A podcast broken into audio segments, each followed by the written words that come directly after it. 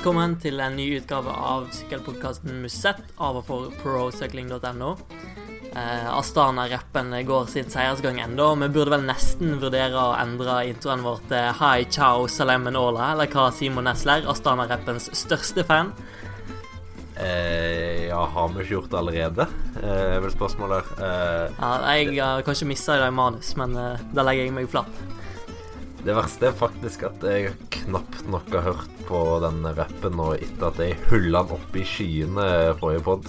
Det Bare et par sporadiske ganger. Eh, men eh, fremdeles ternekast seks. Theis Magelsen, eh, hvordan har innsatsen din vært på lyttefronten? Nei, jeg bare sier som Omar Fraile, Nos, som oss Nei, hva var det han sa igjen? Vi er ikke bare et lag, vi er en stor familie. Og jeg føler jeg er blitt en del av Stana-familien, for jeg har hørt fryktelig mye på dem eh, siden vi pratet om det på forrige episode. Så takk for den, Simon. Det, det var en, en fint, fint inntogsmarsj i, i mitt liv, egentlig. Uh, nå er jo Tour Down Under ferdig. Vi har fått sett en del eh, sykkel igjen. Uh, og vi snakket jo om drakter i forrige episode.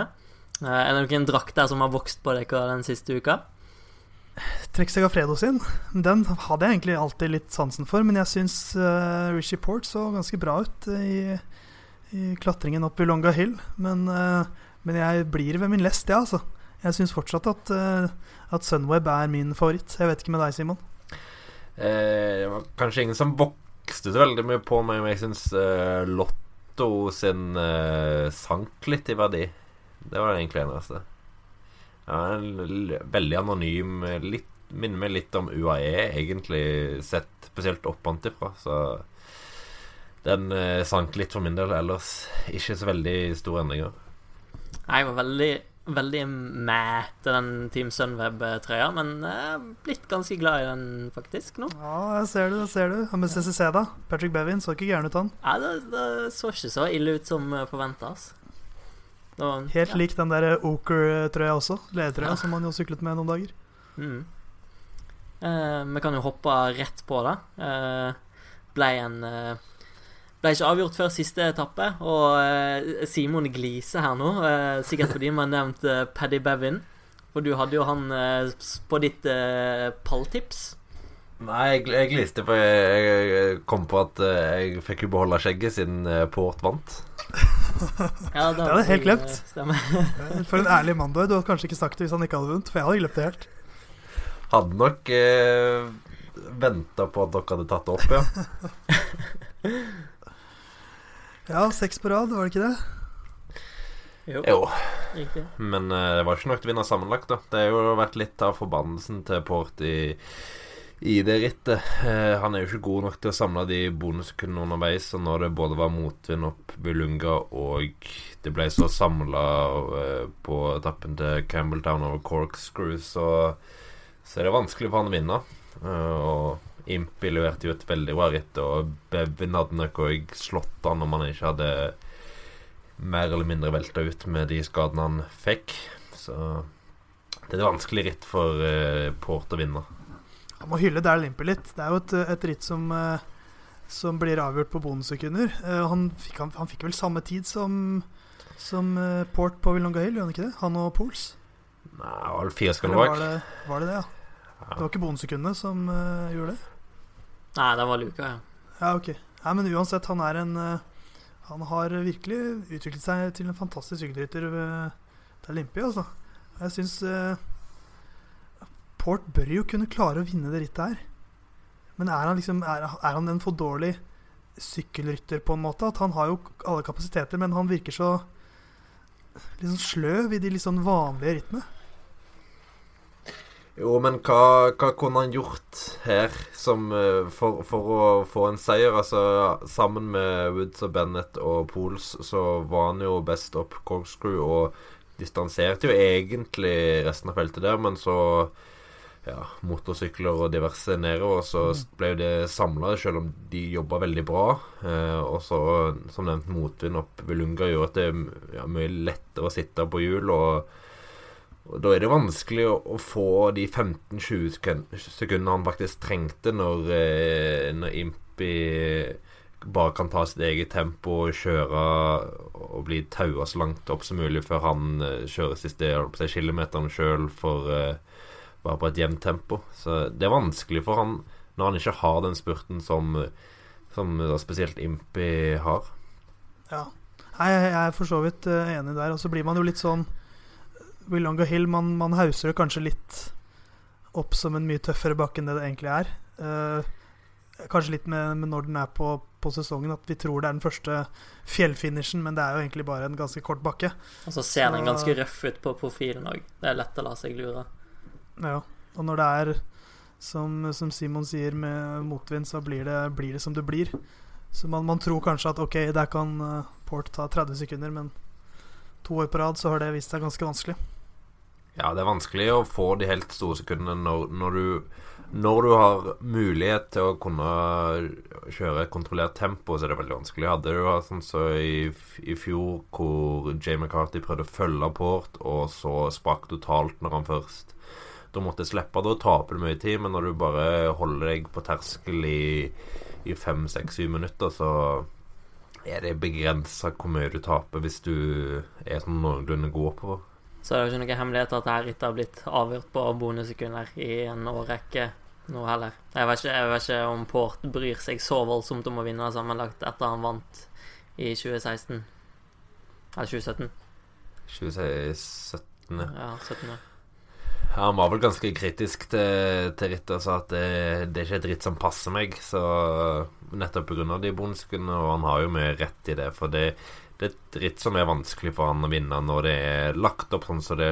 Eh, selv om det jo i år var kanskje lettere enn det var i, i, i fjor, når du får inn denne corkscrew-tappen, som potensielt kan være ganske skille ganske mye, men det, det gjorde det jo som kjent ikke. Jeg skjønner ikke hvorfor det aldri har vært en så vidt jeg kan huske, en tempoetappe i Tour de Under. Det kunne jo shaka det opp mye mer enn, enn, det, enn det, sånn det har vært. For det er jo blitt et litt sånn forutsigbart ritt på mange måter. De er vel kanskje redd for at eh, da blir det i litt for stor grad de gode temperytterne og kun de som har mulighet til å vinne, tenker jeg. Du må i så fall ha en ganske kort prolog-type for at det skal unngå at det er en som sånn support som plutselig leder med et halvt minutt på alle andre som er gode til å klatre. Og da er det jo litt avgjort igjen med en gang. Selv om det kunne vært en fin duell med Port og Dennis, f.eks. Eh, hvis de var ganske likt inn etter en tempo. Men ja. Bakkeprolog opp i Longo Hill, der tenker jeg vi har det. Ja, kanskje.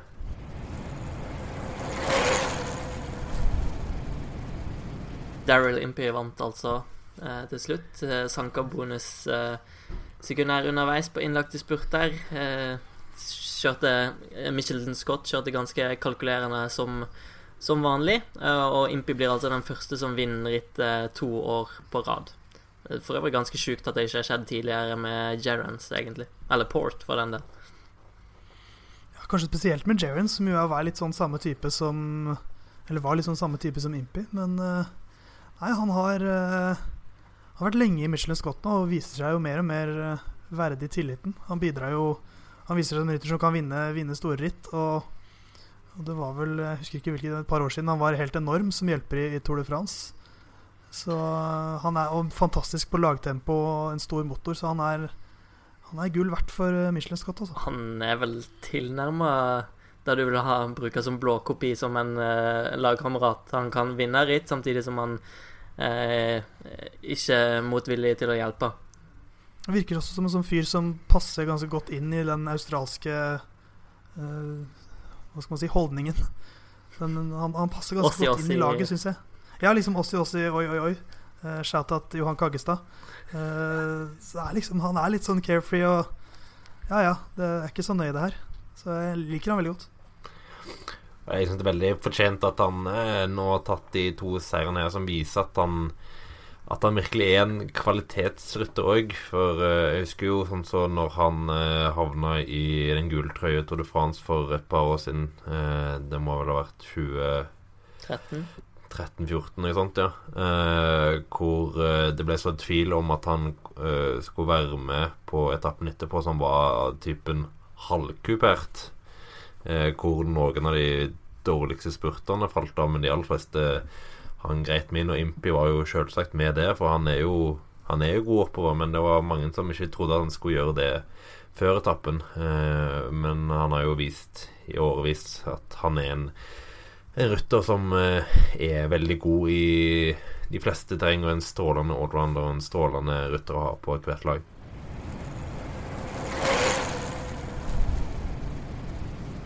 Jeg har nevnt Paddy Bevin et par ganger, eller Patrick Bevin, som han egentlig heter.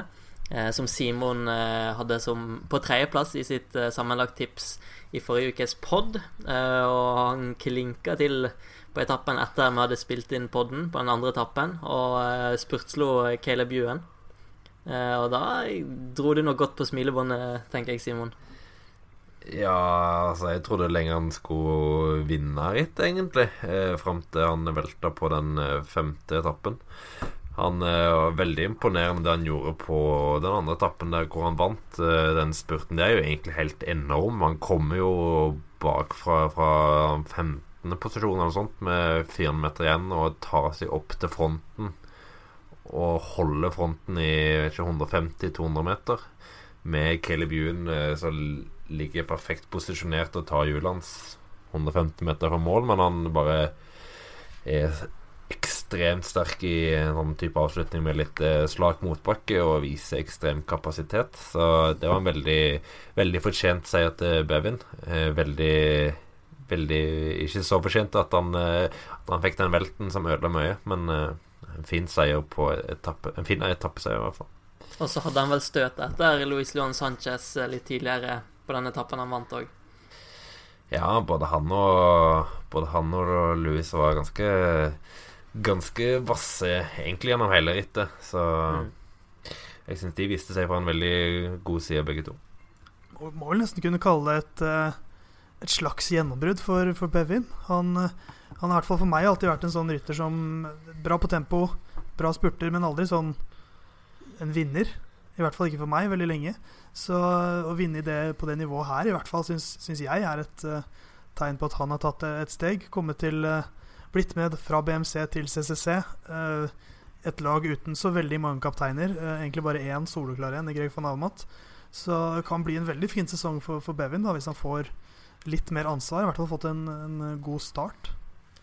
Ja, den gode starten vil jo garantert gi han eh, den friheten ut gjennom sesongen. Og han hadde jo eh, et alternativ om å gå til Mitchelton Scott. Eh, og hvis han hadde gått dit, så hadde det sett ganske annerledes ut for han nå.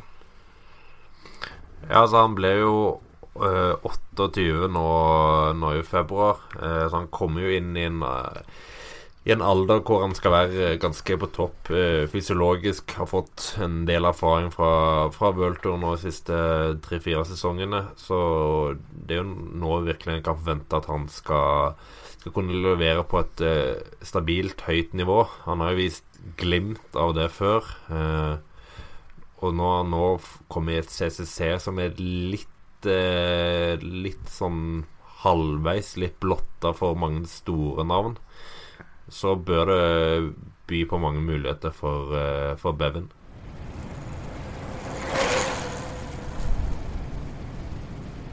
Vi hadde òg fire nordmenn til start i Tour Down Under.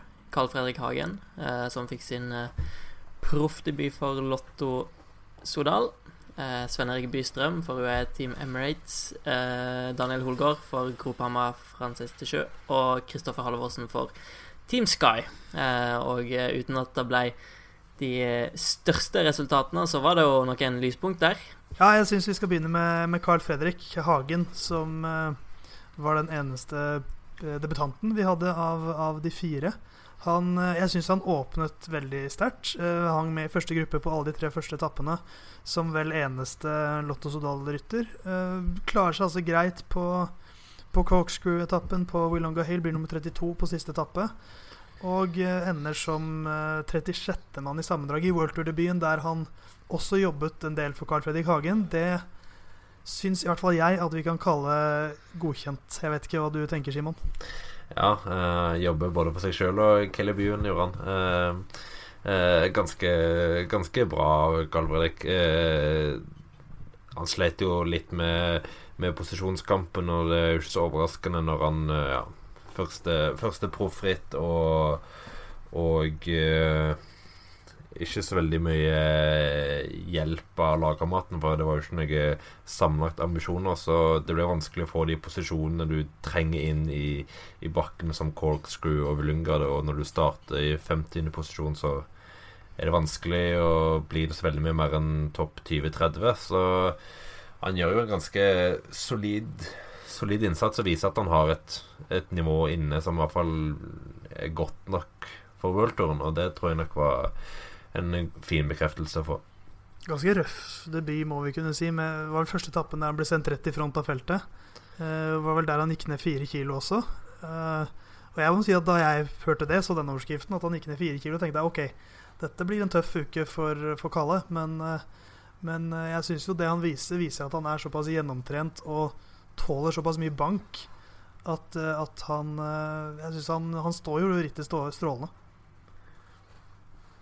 Ja, han er jo ekstremt godt trent, eh, så det er ingen overraskelse at han eh, tar det nivået sånn som han gjør, egentlig. Så jeg gleder meg til å se, se han videre i sesongen eh, litt i lag som er litt mer si, egna for å kjøre bra i bakkene. Nå var det jo litt hver mann for seg sjøl på, på, slutten av de etappene, så litt mer struktur, mer rundt en kaptein, så jeg tror vi kan få se enda mye bedre av Carl Fredrik. Eh, Sven Erik Bystrøm, litt mer eh, anonym Irite? Ja Det var han vel for så vidt, men det UAE kom jo med Philipsen i spurtene, som jo gjorde det veldig bra vant, vant den ene etappen. Og hadde tre mann sammenlagt topp 15. Eh, Vant lagkonkurransen.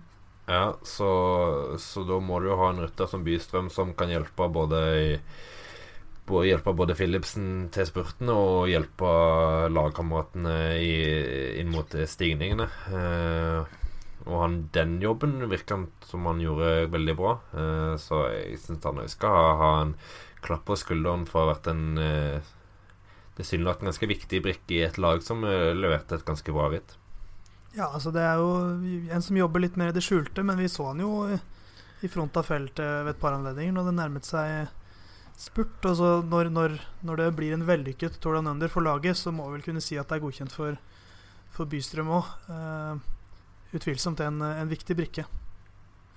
Anonym var ikke negativt meint, nei. Bare at uh, han har gjort en skjult jobb. Ja. Uh, så hadde vi jo Daniel Holgaard som var fremme og snuste litt i, i spurtene.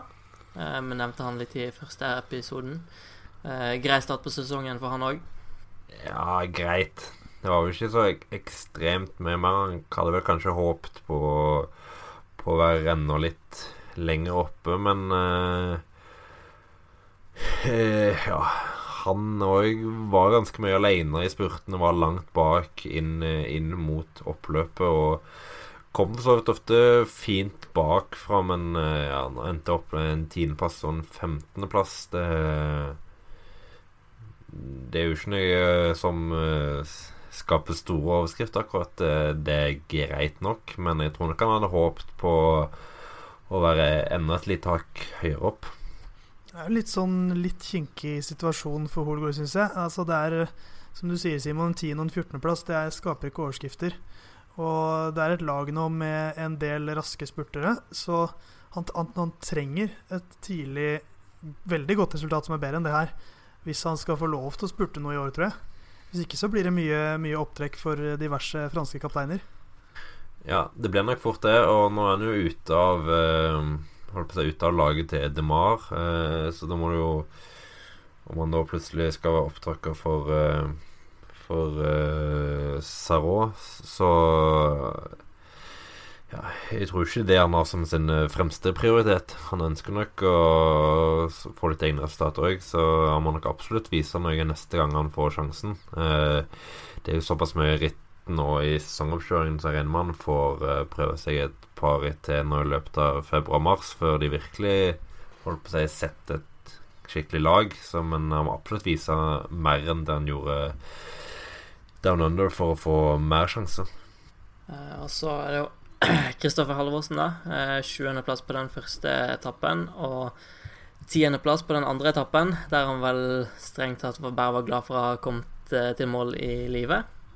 Ja, øh, jeg tror vi skal si oss brukbart fornøyd med Doffen. Han har jo litt mindre press på seg enn Holegård, selv om han er på utgående kontrakt. Men, men med tanke på spurterollen, i hvert fall, og spurtansvaret i Team Sky, så er det jo ingen Demar eller Sarot der som kan, kan presse ham ut. Han får spurte hvis han føler seg bra nok. Og så var det denne siste spurtetappen der han eh, punkterte halvannen kilometer fra mål og sa han følte seg bra. Det er jo alltid lett å si når man, når man mister spurten, men, eh, men, eh, men, han hadde nok kanskje kjørt inn et brukbart resultat der òg, og da plutselig står han med, med tre topp ti-plasseringer etter, etter, seks etapper, og det hadde vært veldig godkjent, syns jeg. Så jeg, jeg syns det er lovende. Han virker gira og skal jo sykle i hvert fall Harold Suntour, kanskje Kell Evans-rittet òg, så da kan det jo bli uh, enda flere muligheter, spesielt i Harold Suntour, hvor kanskje nivået er litt lavere enn det var i, i Tour Down Under. Ja, det må jo være virkelig et ritt hvor han uh, kan gripe noen sjanser. Uh, for det bør være mulighet i hvert fall for et par I hvert fall for et par uh, pallplasseringer, skulle jeg tro. og en, en, seier der hadde nok smakt utrolig godt for, for Doffen. Å få en litt sånn ja, slippe litt press nå allerede helt fra starten av sesongen og få den første seieren, som man eh, nok trenger litt i, i, i Sky.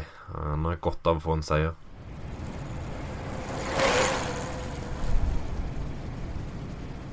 Det har skjedd litt uh, diverse andre ting enn Tour eh, Down Under. Uh, I dag ble de første lagene til, til den nye Tour of Norway klart, uh, som er en sammenslåing av Tour of Norway og Tour de Fjords. Nå husker jeg ikke datoen helt i hodet, men da husker jeg kanskje en av. Eh, 28. mai til 2. juni. Ja. Og sju lag som ble presentert i dag.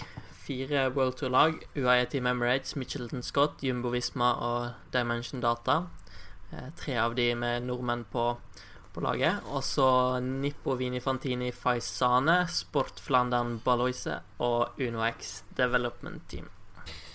Ja, det er jo eh, et par fine lag, det. Eh, det var vel ganske venta at, at, de kom, men eh, det er jo viser jo at de nok får et ganske bra startfelt når de allerede nå har fire av World Tour-lag på plass.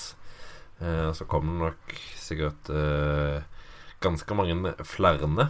Eh, fordi de har jo tross alt mye av startlista til, til Hammer Stavanger, eh, som jo i hovedsakelig består av eh, World Tour-lag. Så det blir spennende å se. Alex mot Edvald i Norge. Det er ikke så mange ganger vi har fått sett det, eh, utenom NM. Så det blir veldig spennende å se de når de begge har sterke lag rundt seg. Ja, Det er jo det, det, er det klart viktigste på den startlista, syns jeg. Altså Det er gøy med, med World Tour, men for, for, for, et norsk ritt, og for interessen i Norge, så er det jo duellen Baasen-Hagen-Kristoff som er uh, absolutt mest gull verdt. Ja, det er, vel, det er vel noe som jeg tror de norske rittarrangørene har, har drømt litt om de siste årene, å få det til. Uh, jeg kan ikke huske når siste skjedde, men det må vel være tre-fire år siden, regner jeg med. Uh, så det har nok hengt veldig høyt og på lista. Og nå har du, når du da samler Tour of Fjords og Torf Norway som eh, Holdt på å si Torf Norway er jo vel ganske eh, dypt inn i Bosnien-leiren, og Tour of Fjords er jo godt inn i Kristoff-leiren. Eh, når du da forener de to, så Så det var kanskje enda lettere å få det til, eh, få begge to. Men eh, veldig bra for norsk sykkelinteresse å få de her. Eh, og veldig fint at for den norske sykkelinteressen at Kristoff dropper giroen eh, og heller kjører de rittene her, for det, det er gull verdt. Sist, eh, bare for å bekrefte det, sist Edvald og Alex sykla Tour of Norway begge to, var i 2015. Ja. Så det er på tide. Dukker vel fort Kristoffer Halvorsen opp òg, og Team Sky pluss eh, noen uh, unge, smågale kontinentalryttere. Så får vi en fin, uh, fin miks med norske ryttere i Tour of Norway. Amund dukker vel kanskje fort opp for Jumbo. Eiking, hvis Vanti slenger Eiking. seg med. Det vil jeg vel tro at de gjør. Ja, Han uh, sa for to uker siden at han hadde spilt inn Tour of Norway, at de måtte gå der, men laget var litt sånn nja. Uh, så det er ikke helt sikker på De hadde en del annet på, på programmet rundt det. Eh, dukker opp eh, flere lag eh, den kommende tida, så det er bare til å følge med der. Um, Jeg kan allerede avsløre et åttende lag. Ja, vær så god. Eh, ifølge nettsida til Rival så kommer Følli. Ja, Ytterligere to nordmenn. kjekt. To nordmenn det. Ja. Sindre Lunke og Christer Hagen.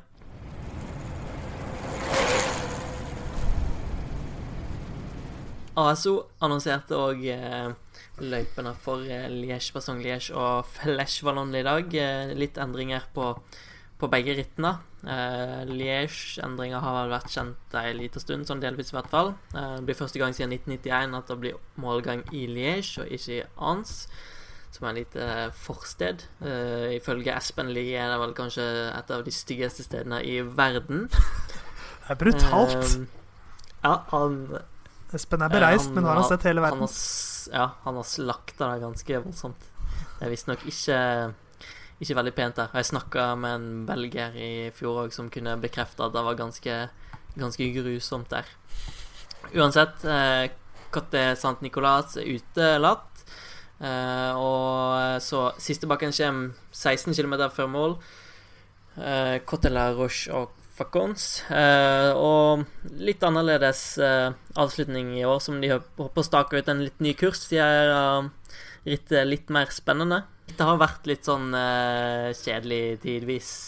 Mildt sagt, kanskje. Ja, jeg må si jeg fryder meg over den, den eh, nye avslutningen, egentlig. Uh, jeg syns jo at de siste årene så har Amstel Gold Race vært det mest spennende av denne klassikerne. Mye takket være de, den endringen de gjorde i sin rute. At, for før var det veldig sånn Kalberg avgjorde alt i Amstel Gold Race. Slik det også har vært litt i Flesh Wallon, eller ikke bare litt i Flesh Wallon, at muren avgjør alt. Men også i, i at det liksom det, det er samla inn til siste bakke der, og så er det én som stikker seg ut. Mens nå får de litt mer en uforutsigbar avslutning, men eh, med en avslutning der jeg kan se for meg mye støting på de siste mer lettkjørte kilometerne. Så jeg syns det er eh, eh, kan være et skritt i riktig retning. Man vet jo aldri før, før man får sett det i praksis en gang. Nei, jeg er enig med at trenden de siste år har vært ganske, ganske negativ. Riktignok så vant jo Jungels solo i fjor ganske så overlegent, men eh, men generelt har det jo blitt et mer og mer passivt ritt. Eh, sånn sett så vil nok eh, dette være bra. Eh, min store frykt er nok dog at det kanskje er såpass langt fra siste bakke og til mål, og såpass eh, så En såpass lett avslutning eh, at det gjør at det veldig fort kan bli en samla spurt. Og det føler jeg ikke helt eh, passer til, en, eh, til et ritt som Liège på stand Liège. Ja, det kan bli, enten så kan det bli veldig bra, eller så kan det bli helt forferdelig. For hvis det kommer ei gruppe på 30 mann inn i Liège der og skal spurte om seieren, eh, da tror jeg ASO føler seg rimelig dumme. Ja, det er jo Spørsmålet om det er litt sånn Kanskje de tenker veldig på, på sagaen. Og det er jo sagaen Michael Matthews-aktig ryttere som kanskje plutselig aner en mulighet her, men uh, hvis sånne ryttere begynner å satse mot det, så vil jo de andre lagene måtte kjøre desto hardere før for å, for å slite ut de gutta der. Så nei, det er, det er, jeg tror det er veldig sant det dere sier, at det blir, kan fort bli enten-eller. Ja, sånn spesielt Matthews eh, har jo vist at han har kapasitet i en sånn løype. Eh, Van Avermaet òg eh, har jo gjort det bra i Liège eh, tidligere. Sagaen er kanskje litt mer sånn usikkerhetskort. Eh, men alle de tre, eh, pluss eh, Valverde, Kwiatkowski eh, og kanskje Alaphilippe, vil jo stole på spurten sin i ganske stor grad mot ganske mange ryttere her. Eh, og det som er mulig, er at du får mange lag som eh, på tvers eh, samarbeider om å, om å samle til en spurt på en 20-30 mann. Så det, det har veldig mye å si hvordan, lagene angriper det. De som har De som har van at de som har Kvetkovskij og Matthews, om de går for en spurt, eller om de sjøl prøver å animere rittet. Kan få en ganske spennende dynamikk, da, eh, som du er litt inne på, med spurtere i hermetegn. Eh, fordi på de tøffeste stigningene, så eh, i hvert fall på slutten, så kommer jo de gjerne til å bli hekta av. Og da kommer ikke de foran til å sitte og vente på at Sagaen skal komme opp igjen. Så da kan jeg jo tale for at det blir kjør foran, da. Hvis Sagaen kjører. For med at det er vel rimelig Eller i større grad sikkert at det kjører. Altså er ikke, så er det ikke gitt at det blir så mange lag med mange hjelperyttere igjen heller. Eh, det er jo, Selv om vi snakker om at det blir en enkel finale, så er det et langt og, og krevende ritt. Så, så de vil ikke få noe gratis i den finalen, selv om den er litt enklere. Nei, det er utvilsomt. Det, det er fremdeles et veldig hardt ritt. Eh, og den, den, siste bakken er jo hva er det vel 1 km av 11-12% så det er jo en ekstremt fin bakke for å, for å splitte opp feltet. Eh, og så har mange grupper, og så er det litt slakt opp og videre før det blir før det blir utfor noen kilometer. Så det er veldig en sånn klassisk eh, fin bakke for å få splitter, og så blir det hvem samarbeider, hvem samarbeider ikke. Eh, og så er det spørsmålet om det blir et, om gruppene klarer å samarbeide eller ikke. Men eh, ja eh, Jeg er litt sånn delt. Det kan være veldig bra, det kan være, kan være en liten fiasko. Skal vi eh, driste oss på å spå en vinner hver? Jeg elsker å gi dere sånne utfordringer. Oh, uh, den er seig. Jeg kan godt begynne. Ja. Begynn, Dansk dynamitt, Mikael Wahlgren. Jeg tenkte på den, uh, men jeg kjører Michael Matthews. Jeg kjører Michael Woods, jeg. Tre Michaels. ja. ja, sant. Jeg har jo pallen. Eller podiet, som det heter. Det var tatt rett fra manus. Der.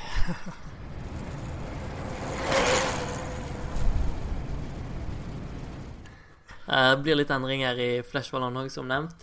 Eh, ans for starten der. Lite plaster på såret for at de ikke har avslutningen i Liège. Eh, det er ikke Ja. Det er vel mest sannsynlig ingen avgjørende forandringer der, Simon. Nei, det er bare litt, uh, litt tøffere. Uh, tidligere, tidligere, så har de kjørt Eller i fjor i hvert fall så kjørte de uh, tre ganger opp til Murdui, og så har du to runder med den Hva det heter Cote RF og Cote Chaver. Ja. hvor du nå kjører tre hele runder istedenfor å kjøre Murdui og så to runder. Så det ble jo litt mer eh, høydemeter på de siste seks-syv eh, mila.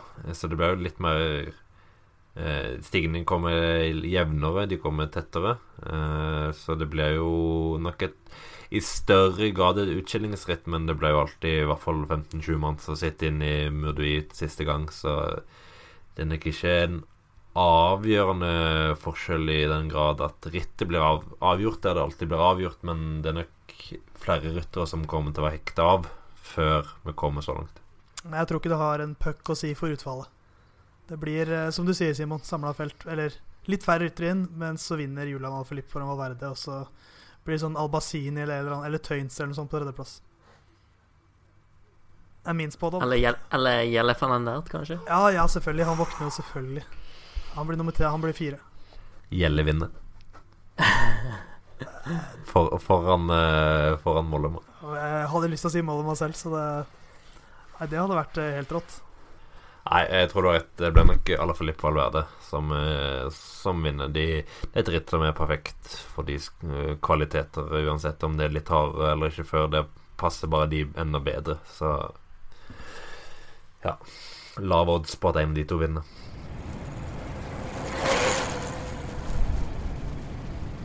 Vi har tenkt å teste ut en, en helt ny spalte. Uh, som vel kanskje ikke har fått noe offisielt navn ennå, men uh, working title, uh, ukens Lantern Rouge og ukens røde startnummer. understreker at det er working title. Men uansett, konseptet er at vi har to av oss valgt oss én rytter som Eller en av oss har valgt en rytter som skal få litt kritikk, og en har valgt en rytter som skal hylles. Så da tenkte jeg, Simon, eh, du har valgt uh, rytteren som skal få kritikk, ukens uh, Lantern Rouge. Og hvem har du uh, valgt deg denne uka? Ja, jeg har valgt meg ut en, en mann som uh, hadde ganske mye press på, på skuldrene sine. som har herja i dette rettet de foregående årene. Vunnet etapper de tre siste årene før i år, men i år ble det ingen etappeseier for Caleb Yoon i Tour Down Under i for sitt nye lag Lotto Sodal, og det var nok rimelig skuffende for han. Eh, elendig på den første spurtappen, hvor han, eh, han og laget rota. Eh, og så i perfekt posisjon på etappe to, men bare ikke i nærheten til å svare på, på spurten til, til Bevin. Eh, og så har vi jo denne femte etappen hvor han igjen var i perfekt posisjon, men eh, var litt vel hissig da før han fikk denne posisjonen. Var ute med en, eh, en liten eh, skalling på Jasper Philipsen og ble deplassert. Var jo strålende glad når han kom over målstreken, men han var jo først over streken. Og du så at det betydde rimelig mye for han, men ja, Caleb, du kan ikke bruke hodet på den måten i sykkelritt, dessverre for din del. Så da blir det ukens lanterne rouge herfra. Han burde kunne nesten fått uh, ukens lanterne rouge fordi det så ut som han var gladere når han vant People's Choice Classic, syns jeg.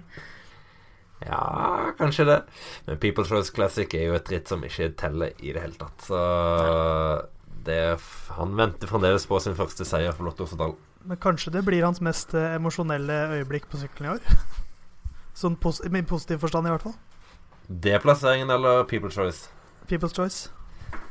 Ja, kanskje. Nei, han får nok sine seire. Men, uh, men, men ja. uh, han fortjener litt kritikk òg, etter den uh, opptreden på siste spurt. Ja, han hadde nok um, Han var nok veldig innstilt på å få den seieren, og, og da var det litt ulovlige midler som ble tatt i bruk. Eh, og ja, det var en ganske eh, Når jeg først så våkna og, og så spurten, så forsto jeg ikke helt hvorfor, hvorfor, han hadde blitt deplassert. For jeg, jeg, jeg, så bare på selve spurten, og der holdt han jo en relativt eh, fin linje. Men så så, så jo bildene av posisjonskampen etterpå. Det er vel en ganske klassisk eh, deplassering når du når du bruker hodet på den måten, selv om ja, vi ser det jo ofte, men det betyr ikke at det nødvendigvis er tillatt. Og det er jo ikke tillatt i regelverket, så ja. Det, han får uh, bruke kreftene sine på riktig måte neste gang.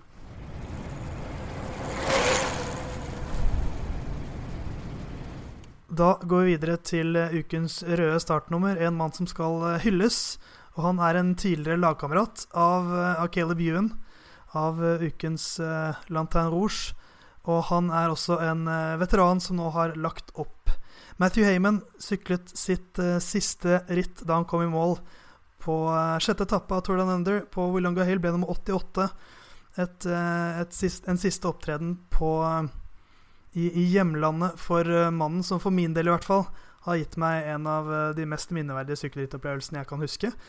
Paris-Roubais 2016. Det er få sykkelritt og få avslutninger som jeg husker like godt som som den der, når Heyman kommer inn på, på velodromen i Robé med Tom Bonen med, i en standard Stefan Marke og en sånn uh, Edvald Baasson Hagen som var litt på halvdistanse. Uh, Tom Bonen da, som jakter den historiske femte seieren. Alle trodde vel nærmest at han kom til å, å spurte inn til den, men uh, så klarer han det utrolig. Matthew Heyman på hans 15. forsøk var det vel i, i Paris-Roubais. Aldri vært på podiet før. Uh, to måneder tidligere så hadde han uh, krasjet i omløpet av et newsblad, brukket armen. Stort sett bare sykla på rulle. Uh, gått glipp av de aller fleste vårklassikerne. og så skjer det. med tankene og ordene 'Just keep riding', som, som, fulgte han gjennom det rittet. Han ble jo nærmest distansert på Carrefour de Larbre, men da hadde i hvert fall jeg avskrevet han. Men han kommer tilbake, og når en nordmann er så nære å, å vinne en en så stor seier som Edvald var der, så pleier jeg som regel å være ganske forbanna. Men uh, etter at det rittet var over, så var det kun glede i, i sykkelhodet og sykkelhjertet mitt. For uh, jeg var så glad for at Matthew Heyman fikk den seieren. Så det er en stor mann som fortjener litt hyllest. Ja, fan, uh, fantastisk mann. Og den der, hele den Paris-Roubais-historien, det er nesten det er nesten for godt å være sånt. Helt sjuk historie. Ja, det er jo bare å se. Det er det ansiktsuttrykket hans da han kom i mål. Det var jo, for de som har sett uh, Michelin Scott sitt backstage pass, uh, så sier jo de 'You won, you won', og han sier bare 'no, no'. Det skjedde ikke. Uh, så han Det der ansiktsuttrykket hans med, med bare sånn vantro han, han, skjønte ikke hva som skjedde, tror jeg. Så Ja, det er så ekte. Ja. Det er så sjukt ekte. Som han selv har sagt, han sier han har følt at Paris Roubais har vært et litt sånn abusive relationship for han. At han bare har sånn Det har vært et dritt. Det har vært en, det har vært en besettelse for han eh, som aldri har helt fungert. Han ble hentet til Michelin Scott da de startet opp. Skulle være liksom en de håpet skulle få til noe i klassikerne, men, men eh, det blei jo aldri noen store seire. Eh, og så kom den da endelig. Og eh, jeg tror ikke det var en sjel i sykkelsporten som ikke unnta den. Selv Tom Bonen så ut til å være rimelig fornøyd med, med det som hadde skjedd, så så eh, Matthew Heyman takker for seg, og vi takker for, eh, for alt vi fikk oppleve med deg. Solid. Solid. Li, like, nesten like solid som uh, Matt Heyman. Uh, og så kan vi jo an anbefale alle å gå inn og kan jo anbefale alle å gå inn og se den backstage-passen. Søk på Paris Robé backstage pass 2016. For det er gåsehud de luxe. Det det vel 20 minutter med gåsehud omtrent. Ja, det får gåsehud bare å tenke på det. Så det jeg, Den har sikkert sett den syv-åtte ganger, og kommer til å se den syv-åtte ganger til i år. Så det kan ikke ses for ofte.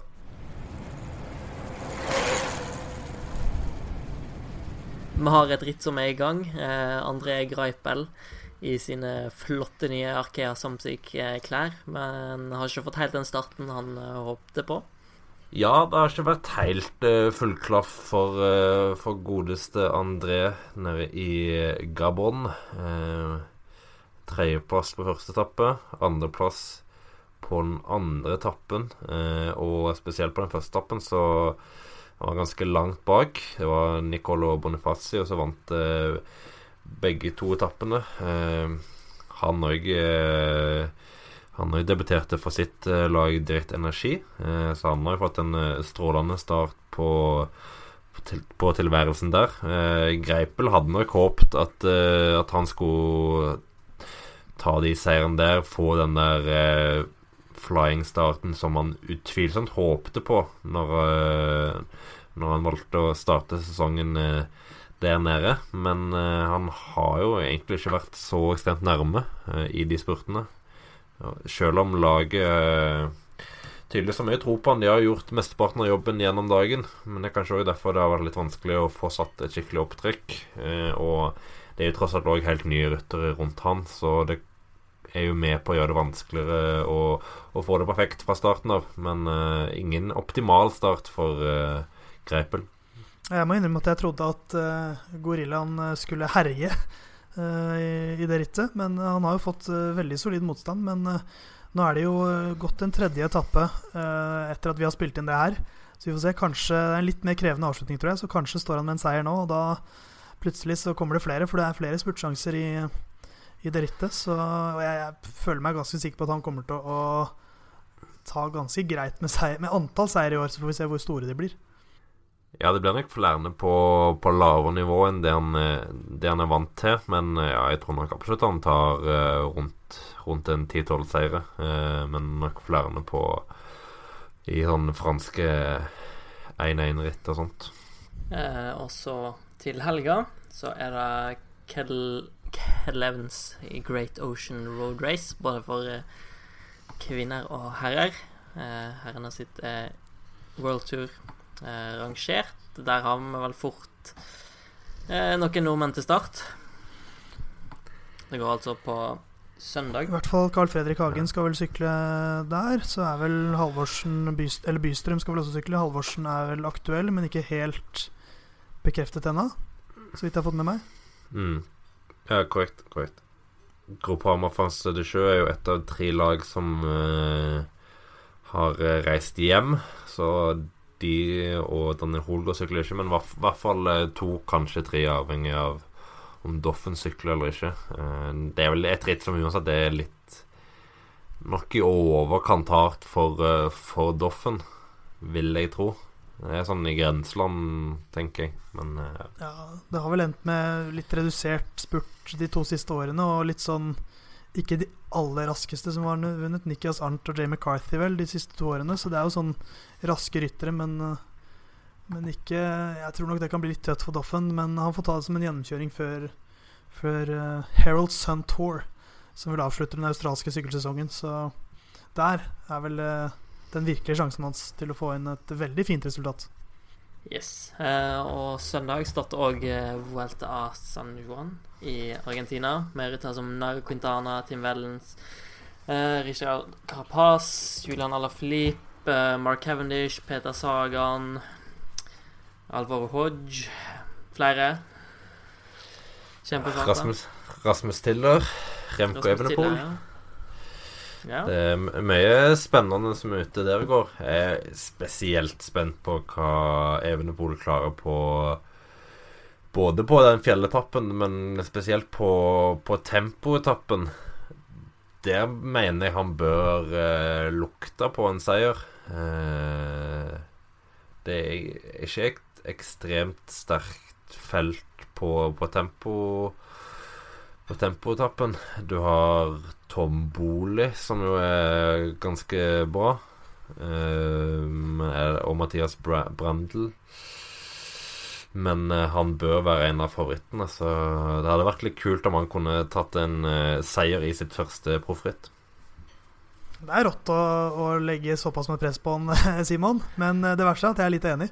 Han, han kommer sikkert til å være i toppsjiktet der, tror jeg. Vi får se han på, på skikkelig seniorgir nå, så kommer det til å gå så det suser, det der. Så ikke glemme Fernando Gaviria. Han eh, sykler òg. Eh, sitt første ritt for UAE Team Emirates. Ja, nå har Philipsen en seier. Får Gaviria sikkert en seier. Kristoff, det er bare å levere på Mallorca. Ja, Philipsen har jo virkelig har virkelig en strålende åpning han fikk. Tok det Tok det steget opp til worldtouren veldig fint. Eh, og En har jo ofte snakka om at eh, flere ganger rundt Christer at nå kommer det opp opptrekkere, og de er sånn Ja, jeg skal heller de få sjansen når eh, gitt at Alex har bomma en og annen gang i en spurt. Men Philipsen er nok eh, virkelig på et nivå som er ganske tett på Alex.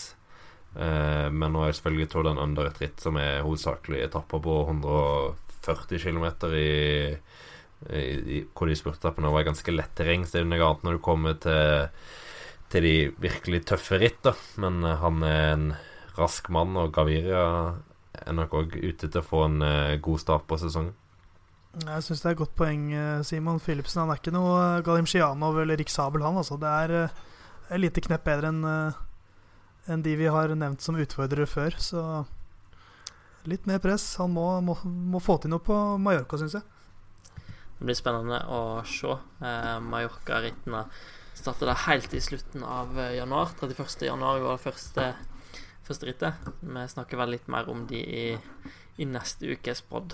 Eh, siden vi starta litt eh, med ja, i musikkhjørnet i dag òg, skal vi vel eh, avslutte litt med tanke på André Greipel, som vel er den mest eh, Den med best repertoar av World Tour-rytterne. Eller generelt syklister når det kommer til musikk. Ja, jeg syns egentlig han eh, Hva skal man si, rent musikalsk Syns jeg det han leverer, er eh, sterkere enn Lawrence de Frese og, eh, og Gastana. For han har jo levert sine i hvert fall en to, to låter i forbindelse med Tour de France. Han har fire. Ja, fire totalt. Det er, ja, han er en mann med mange talenter. Kanskje, kanskje han satser mer på rap og musikk etter at spurtkarrieren er over. Ja. Jeg vet ikke om jeg håper det. Nei, folk får gå inn på YouTube og søke på André Greipel Song. Så ligger det fire stykker der. Det er Live Your Dream, Bonjour Le Tour, Ready to Fight og Go Gorilla. Go Gorilla er klassikeren. Det er min favoritt. Der, Go, han- der han sykler rundt go, i go, gorilla. Ja, han Få, sykler rundt i få Lawrence til. Frese. Få Lawrence til Frese featuring eh, André Greipel. Da tror jeg vi snakker. Kan vi ikke få en rap-battle mellom de? Hvem vinner den, da? Jeg føler at Greipel er mer å slå i bordet med når det kommer til meritter. Men jeg, jeg tror de Frese er litt mer sånn Litt mer Han tror i hvert fall selv han er mer gangster. Og at han kanskje som rapper vil klare seg litt bedre. Jeg tror Greipel er litt bedre på hvis han får en rapp levert. Hvis det er freestyle battle, da tror jeg de Frese vinner. Jeg, jeg er enig. Jeg tror De Frese er bedre på På spesielt rim. Tror jeg han er bedre selv om han ikke eh, har de lekreste rima i, i Astana sin sang. Så, så tror jeg han er bedre der enn Greipel, som jeg ser for meg er litt mer eh, Litt mer stakkato på det. Ja. Han har størrelsen, da. Han, han framstår veldig truende. Ja. Eh, det fre, men- de Frese òg er jo relativt stor, da. Ja, han virker ikke så redd. Han har ganske bra presence i alle, alle scenene han er med i Astana sin rap. Så nei, jeg vet ikke, dette må vi få, få ordna. Må få til dette på en eller annen, et eller annet vis. Ja. Da med. Satser på at de kommer til, til Hammer eller til Turf of Norway. Så kan vi få stelt i stand en eh, rap battle mellom de to. Det verste er at Defresa hadde sikkert stilt. Ja, det håper jeg virkelig.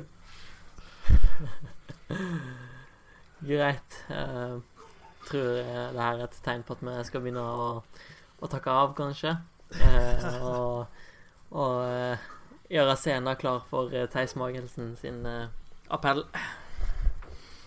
Jeg skal gjøre mitt beste. Uh, først vil jeg skryte masse av du, som, du der hjemme som hører på. Uh, det tikker inn flere og flere rangeringer av oss på iTunes. Til og med noen som har skrevet en liten kommentar. Det setter vi stor, stor pris på. Så jeg vil oppfordre deg, hvis du liker det vi holder på med, eh, abonner på oss på iTunes, eller der du hører på podkast. Eh, last ned og og arranger. Eh, vår podkast holdt jeg på å glippe, så da oppsummerer vi. Abonner, last ned, ranger. Takk for meg. Skal vi avslutte med, med det vi egentlig skulle starte med, da? Hi, ciao, salem ola. Ja. Hei, ciao, salem, ola. Starter vi ikke det med det òg? Jeg tror du sa det Jeg Yes. tror du sa det Det ble sagt, ja. Men eh, det var etter jeg hadde sagt velkommen, så ja, vi kan si ciao, da. Ja, det er, vi kan si ciao det er, ja. og Lutsenko on the cobbles, champagne bubbles.